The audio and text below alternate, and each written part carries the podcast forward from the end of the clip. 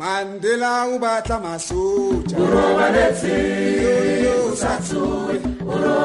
Mandela o batla masotja. Tua, tua, tua. Die wêreldbekende verhoor het sy naam gekry van Rivonia, 'n noordelike voorstad in Johannesburg. Dit is waar die meeste van Umkhonto weSizwe se leiers in 'n dramatiese klopjag op hulle skuilings by Liliesleaf Farm op 11 Julie 1963 in hegtenis geneem is. Die saak is egter amptelik die staat teen die nasionale hoërbevel en ander genoem.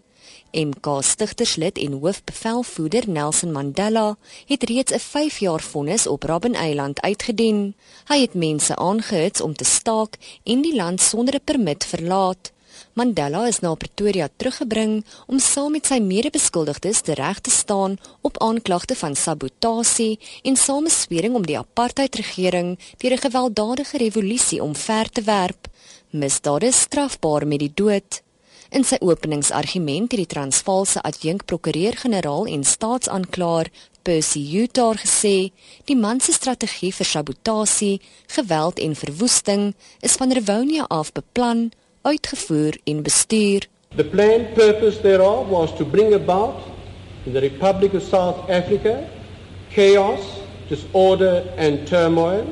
It was planned by the accused to set up a provisional revolutionary government to take over the administration and control of this country.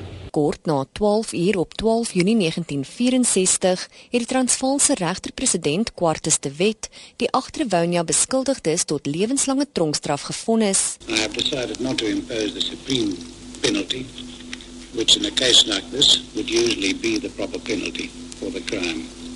But consistent with my duty, that is the only leniency which I can show. The sentence in the case of all the accused will be one of life imprisonment. Rivonia beskuldigde Cathy Kathrada sê hulle was verlig toe die regter besluit om hulle die galg te spaar. there was a collective sigh of relief because right up to the moment when the judge says stand up for your sentence, the expectation is death. Maar dit was Nelson Mandela se kragtige en emosionele toespraak vanuit die beskuldigde bank op 20 April 1964 wat altyd onthou sal word en wêreldwyd aangehaal word. Sy toespraak van meer as 4 ure het hom internasionaal beroemd gemaak en miljoene mense geïnspireer om apartheid teen te staan. I have cherished the idea of a democratic and free society in which all persons will live together in harmony and with equal opportunities.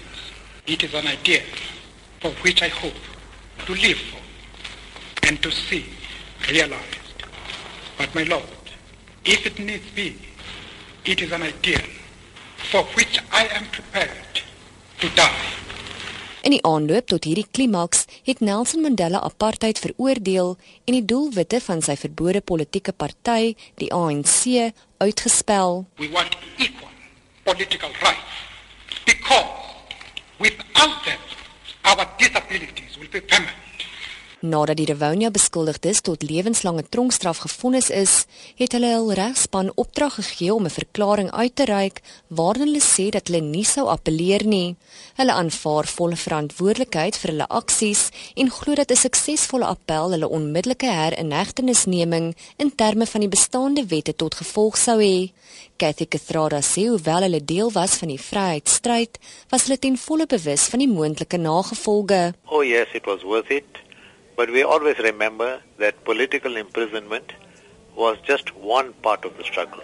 The struggle was much greater than just imprisonment. Mandela ufuna masotja ulaleleni iyo iyo ngavumi ulaleleni Mandela ufuna masotja